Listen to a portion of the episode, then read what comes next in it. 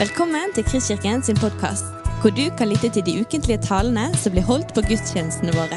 Vi håper denne podkasten vil inspirere og utfordre deg til å kjenne Gud, elske mennesker og tjene vår verden.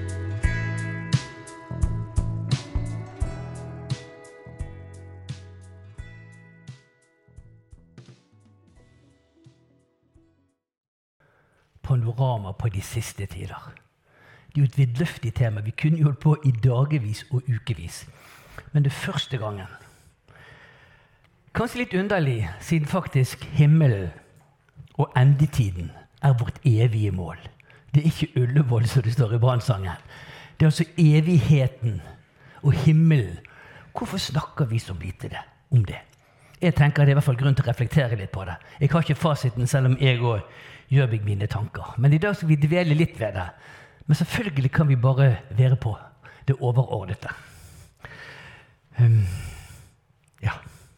Så syns jeg i forberedelsen Jeg har ganske mange manuser der, men det har vært litt vanskelig å vite hvor mye kan vi egentlig om det. For det kan ligge på et, skal vi si, et veldig høyt nivå og et veldig lavt nivå og noe sånn midt i. For jeg er så usikker på hva forsamlingen vi kristne egentlig kan om det. Skal vi prøve å finne et mellomnivå. Skal vi få ta det derfra? Også som vanlig pga. dysleksien min så kommer masse bibelvers opp på slidene. Så hvis jeg leser feil, så er det det som står på sliden, som er det rette. For det er Bibelen. Jeg har over en tendens til å hoppe over spesielt sånne små preposisjoner, rett og slett ikke ser dem. Men det har jeg lært å leve med. Men folks, det vi vet, det er at Jesus kommer igjen. Og vi vet faktisk også hvordan han kommer igjen. Men det vi ikke vet, det er når han kommer. Bibelen sier veldig mye om endetiden og tegnene som varsler hans komme. Og Jeg har jobbet med dette stoffet i over 50 år, og det er ikke tull engang. Og min kone sier at jeg er stadig like forvirret. Og det er gjerne rart med det når temaet surrer og går i hodet hele tiden, for det gjør det faktisk. Men Jesus kommer snart igjen, og det er faktisk den samme Jesus som for rundt 2000 år siden vandret på jorden, ble spottet, ledd av, spyttet på, korfestes frivillig for å frelse deg og meg. Han er det som kommer igjen. Og Bibelen gir faktisk bilder av hendelsene som skal skje i den forbindelse. Noe skal skje forut Jesu komme, andre ting skal skje under Jesu komme, og igjen andre ting skal skje etter Jesu komme. Så Bibelen beskriver altså fortiden, og den beskriver fremtiden. Den begynner å fortelle fra den første dag i denne verdens historie Den avslutter med å fortelle om den siste dag i denne verdens historie og den første dag i den nye verden. For et panorama dere vi har i Bibelen. Det er helt utrolig. Skriv da det du så, det som nå er, og det som komme skal, fikk Johannes beskjed på. Det så ser vi i Johannes' bebaring 1.19. Så Deretter så skrev han den siste boken i Bibelen. Denne 66. bok samler trådene fra de 65 første. I denne boken ser du også bakover, men mest av alt så peker han fremover. Fremtiden beskrives dere. Verdenshistorie skrives før den blir til, slik det også har skjedd før i bibelhistorien. For da Jesus døde på et kors i Jerusalem, skjedde det etter Skriftene. Og den dagen Jesus kommer i sky og henter sine, vil det også skje etter Skriftene. Det behøver vi faktisk ikke å tvile på. Det er på forhånd beskrevet hva som vil skje.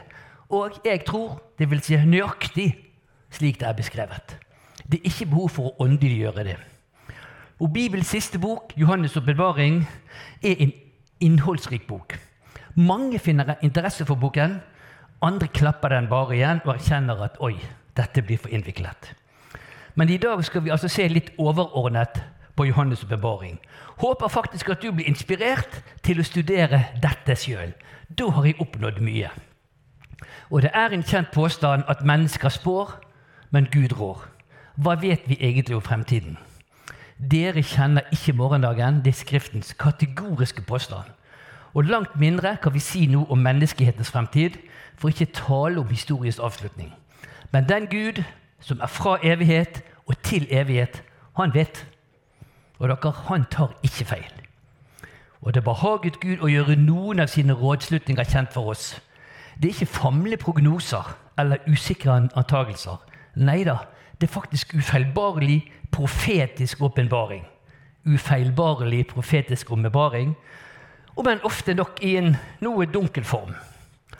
Og ikke mindre enn en fjerdedel, altså ca. 25 av Bibels totale innhold ser ut for å være profetisk karakter. Det er mye.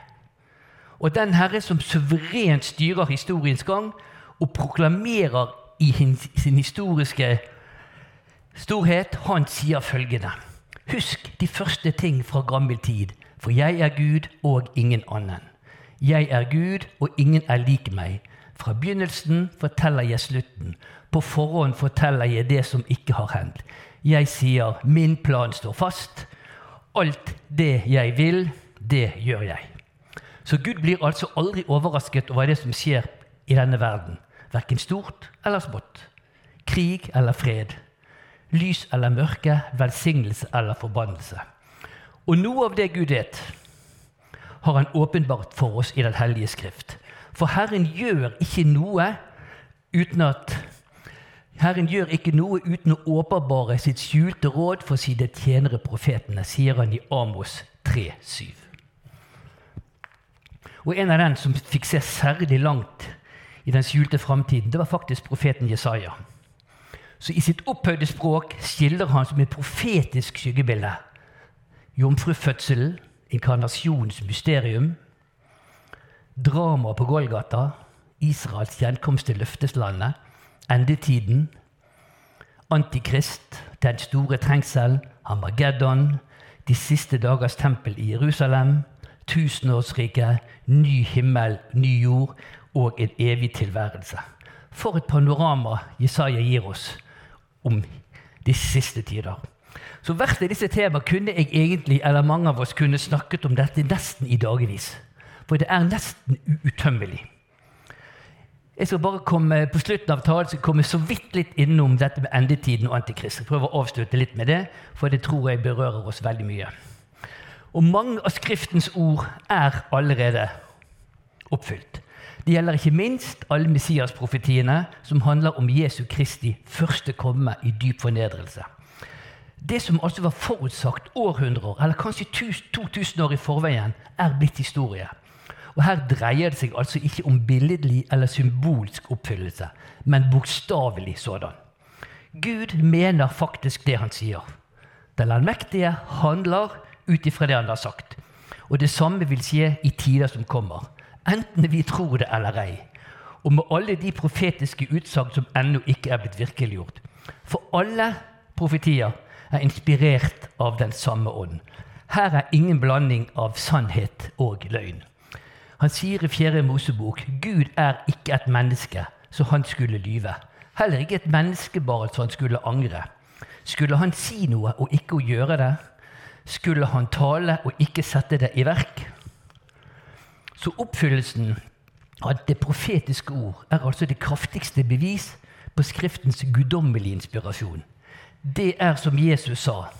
Nå har jeg sagt dere dette før det skjer, for at dere skal tro når det skjer.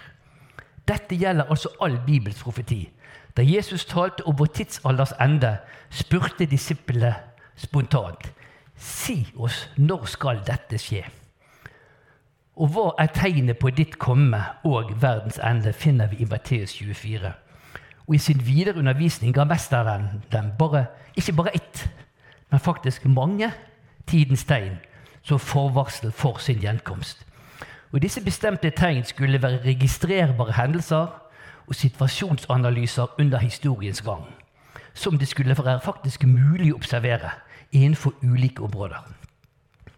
Så det handler om tegn som falske profeter, demoniske undergjerninger, et omfattende frafall innen kirken, lovløshet og normoppløsning, store militære konfrontasjoner, hunger og pest, dramatiske naturkatastrofer, kosmiske rystelser, angst og redsel, blodig forfølgelse, dyp urettferdighet.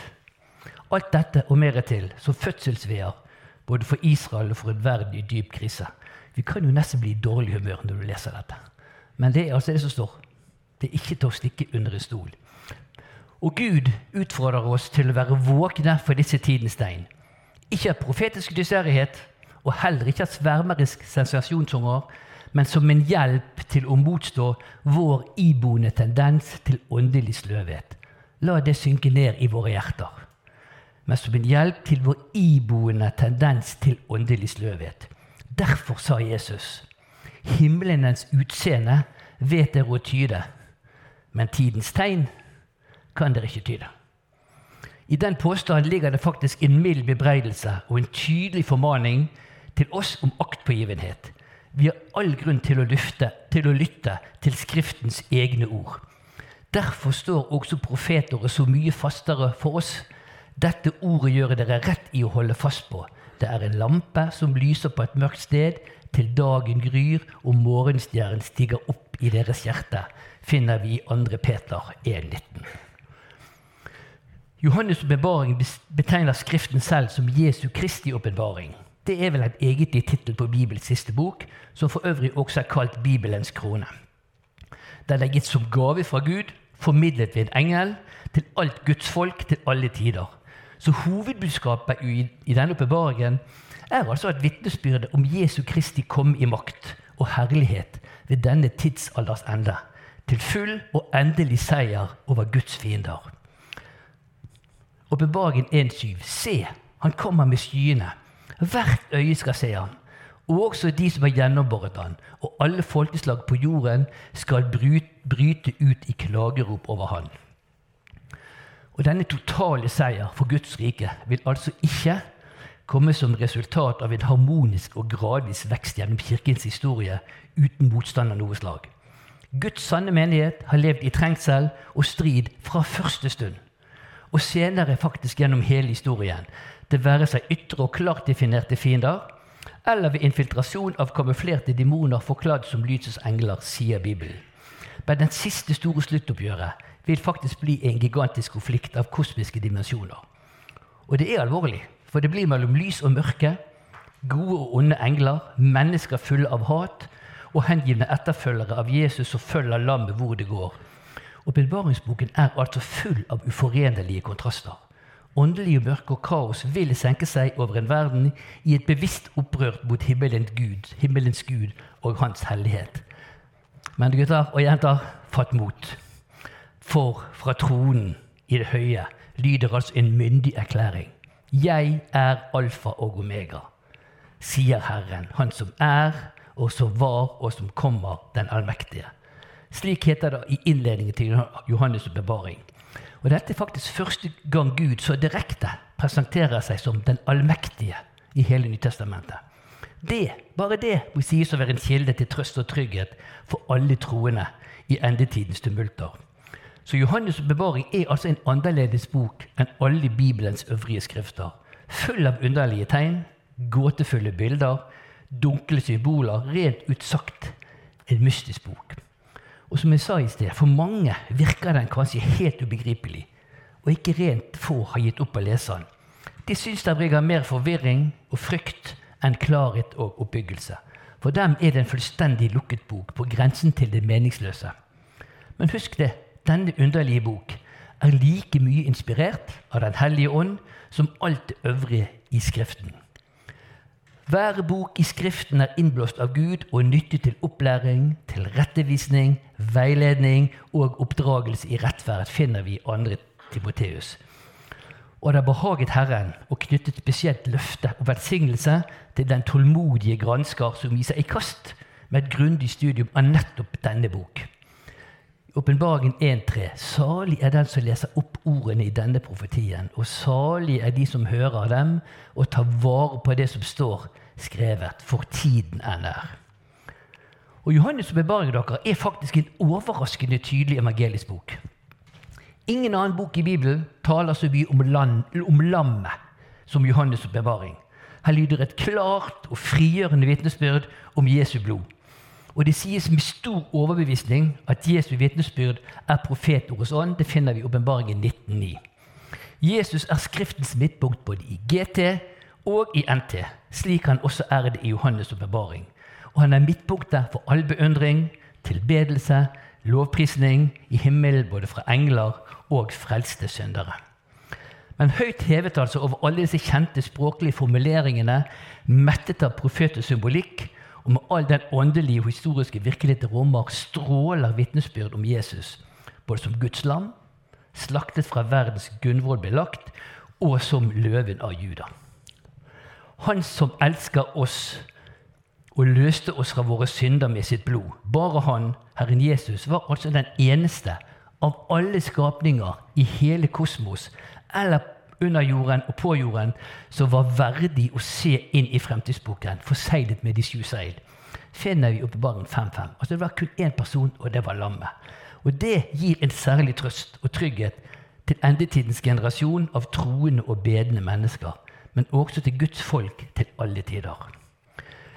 Og dere, Når vi snakker om Johannes' bevaring, så er det i hvert fall for meg det er ikke mulig å la være å komme inn på det man kaller den store trengsel. For det hele tolv kapitler i Johannes' bevaring omhandler dette temaet. Og Veldig mye har vært sagt og skrevet om det. Så kommer litt inn på det på slutten av talen. Men her gir vi bare noen skriftsteder som omhandler dette tidsperspektivet for den store trengsel. Og jeg skal ikke gå i detaljer på dette. Konklusjonen av dette er at trengselstiden den er, er over en periode på syv år. Her kan dere lese sjøl. Okay? Eh, men det hendelsesløpet Og her kobles det opp, opp mot profeten Daniel. Og det hendelsesbeløpet som vi finner i Daniel, også kalt Bibels nøkkelprofeti, ble det sagt at midt i den siste og 70. åruken skal en kommende første, altså Antikrist, bryte en pakt som han tidligere inngått med mange. Og Da Jesus holdt sin innholdsrike tale om endetiden i Matteus 24, henviste han nettopp til denne henvendelse, hendelse, men unnskyld, hendelse som ødeleggelsens styggedom. Og Dette gir altså støtte til en eldgammel tolkning som også mange av kirkefedrene fremholdt. At de 69 første åruker som vi finner i Daniel, hører altså historien til, for det fører frem til Jesus komme. Nå er jeg litt innpå på de litt vanskelige tingene, men jeg skal bevege meg veldig overordnet. Så de er allerede oppfylt. Men den siste og 70. åruken som Daniel taler om, hører altså fremtiden til. Nærmere bestemt perioden for den store trengsel. Både Matteus og Johannes' bevaring favner i sin endelige oppfyllelse dette profetiske avsnittet som både Daniel og Herren Jesus omtaler som den store trengsel. Og gjennom kirkehistorien har det vært framsatt flere, egentlig en hel haug, ulike tolkninger av Johannes' åpenbaring. Uten å nevne de angir vi bare den mest kjente, eller det mest kjente synspunktet som er blitt fremholdt. Og det er at Johannes' bevaring dypest sett er en profetisk kunngjøring av endetidens drama. Dette syntes også å være denne bokens oppfatning av seg selv. Og slik var også Oldkirkens forståelse. Men jeg innrømmer, som mange andre, at det kan ligge noe rett i alle disse ulike tolkningsmodellene vi finner om Johannes' oppbevaring. Og jeg tenker det er heller ikke nødvendig å trekke sylskarpe skillelinjer. For det handler ikke primært om enten-eller, men snarere om et både-og. I hvert fall velvillig forstått. De ulike oppfatningene kan i hvert fall sies å være et interessant uttrykk for rikdommen og mangfoldigheten i Guds ord. Det som står helt fast, er at Johannes' bevaring til alle tider har vært en trøstens bok, håp og veiledning for kristne i trengsel og nød. Men klimaks gjenstår. Og for oss som lever i dag, og som har all grunn til å oppfatte oss sjøl som edetidsgenerasjon, burde Johannes' bevaring være mer aktuell enn noensinne før. Og jeg tenker det er viktig at vi setter oss inn i endetiden, fordi Bibelen bruker utrolig mye tid til å lære oss om den. En god porsjon av Bibelen settes av til å fortelle oss om det som skal skje i de siste tider, generelt og i forbindelse med Jesu gjenkomst. Johannes' bevarer er nok den bok som bruker mest tid på det, men vi finner overraskende mye stoff i Daniels bok, Esekiel, Zakaria, Jesaja, Joel, Mika og i veldig mange salmer Matteus, Markus og første og annen Tess. Så temaet er altså ingen perifer sak. Og det bør det heller ikke være for oss. Slik jeg ser det, er det høyst relevant for vår frelse at vi venter Jesu gjenkomst. Så la oss frimodig dvele litt over temaet. Selv om jeg også i min ungdom har opplevd kanskje overkant mye undervisning om dette. Og noe undervisning kanskje litt spekulativt. Når jeg ser på folk med litt grå hår her, så tilhører dere min generasjon, så mange har nok sikkert hørt mye tema, som gjør at vi kanskje har fått litt berøringsangst. Vi har drukket for mye Møllers tran, for å si det på en folkelig måte nå. Men det tenker jeg det blir litt galt. Vi kan ikke gå fra den ene ytterligheten til den andre. Og jeg tror det er rett at det er 28 år siden, eller mine 28 år i Kristkirken så har ikke vi snakket om dette før. Kanskje på tide å dvele litt mer rundt det. For tiden er nær. Dette var sagt i mange år. Men det er ikke meg som sier dette. Det er Guds ord.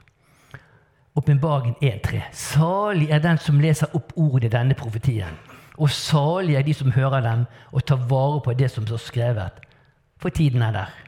Åpenbaring 22.10.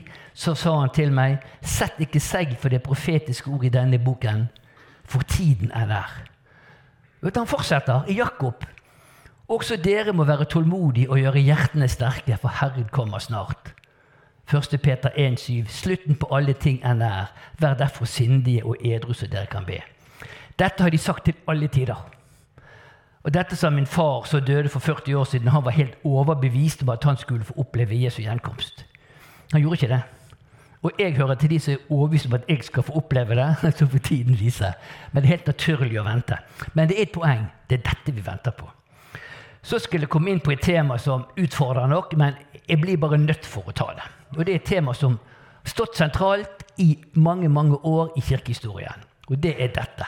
Skal Kristi brud, menigheten, gjennom den store trengsel? Og mange vil kanskje riste på hodet. Hæ, hva du snakker om? Andre vil si oi, dette var interessant.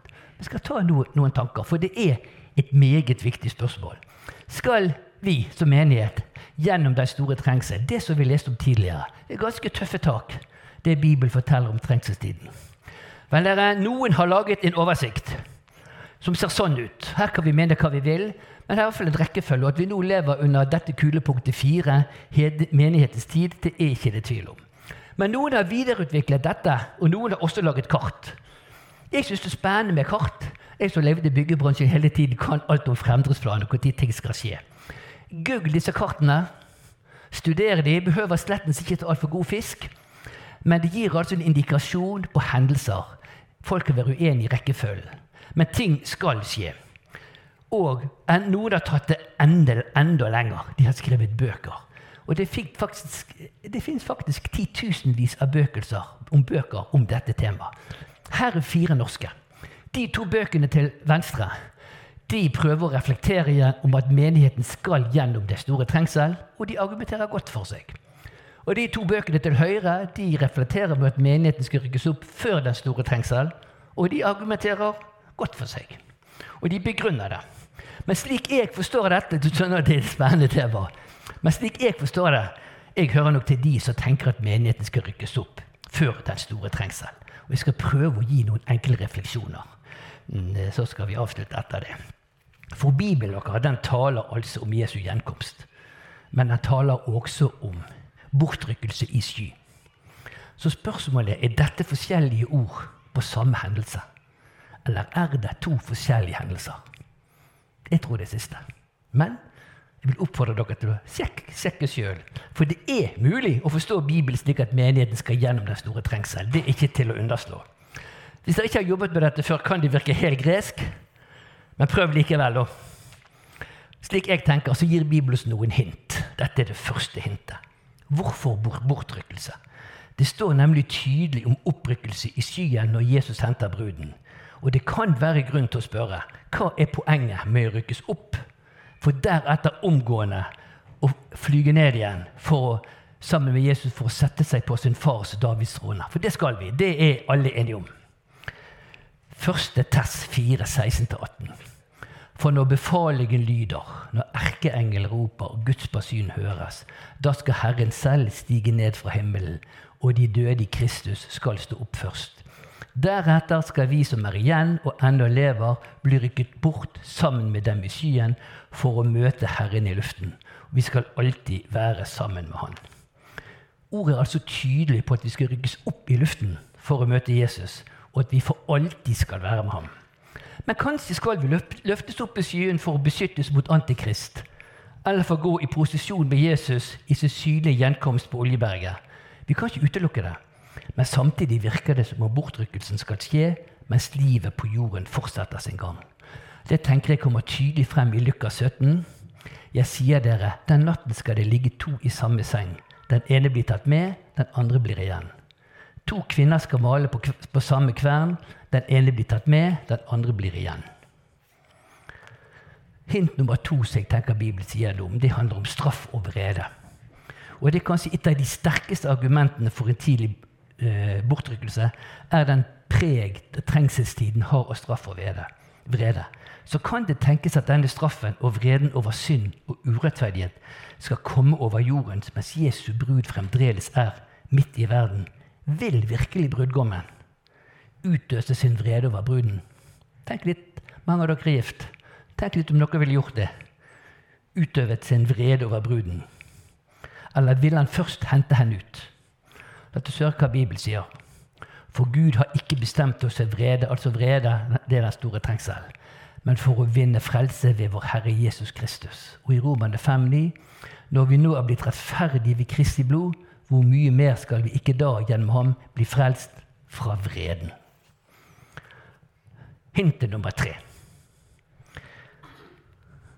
det er at noe må bort før Antikrist trer frem. Og Dette er kanskje det mest kjente argumentet for en bortrykkelse før trengselstiden. For andre tessalonikerne tydelige tale om at noe må tas bort før Antikrist skal stå frem. Så kan vi selvfølgelig spørre på hvilken måte vil Gud tas bort fra jorden? Svaret slik jeg ser det, er i grunnen veldig enkelt. Den hellige ånd. Og da i praksis menigheten sin vi er et tempel for Den hellige ånd. Ref. kor 619. Gud kan med andre ord ikke fjerne Den hellige ånd for å slippe Antikrist til, uten først å fjerne bruden fra vreden. Andre Tess 2 sier dette. Dere vet hva som da holder igjen, slik at han først åpenbarer seg når hans tid er inne. Lovløsheten virker allerede med sin kraft, men i hemmelighet. For han som ennå holder igjen, må først bli ryddet av veien. Da skal den lovløse åpenbare seg, han som Herren Jesus skal utrydde med pusten fra sin munn og tilintetgjøre den dagen han kommer i herlighet. Hint nummer fire. Dette er en inndeling av Johannes' åpenbaring. I kapittel 4 og 5 så leser vi veldig tydelig at Johannes tas opp i himmelen før han får se det som, som skal skje, bl.a. gjennom den store trengsel. Det kan være grunn til å spørre seg hvorfor dette skjer. For Johannes får med utsikt fra himmelen se både hva som skjer i himmelen og på jorden. Så dere kan dette være et symbolsk bilde på at menigheten også skal, skal få se, men slett ikke være i det. Og det er interessant at i kapittel 6 til 18, som omhandler den store trengsel, der er ikke menigheten nevnt med et eneste ord. Den er vekke fra kapittel 6 til 18. Så møter vi menigheten igjen i kapittel 19, når Jesus kommer tilbake og setter seg på sin fars Davids trone med alle de hellige.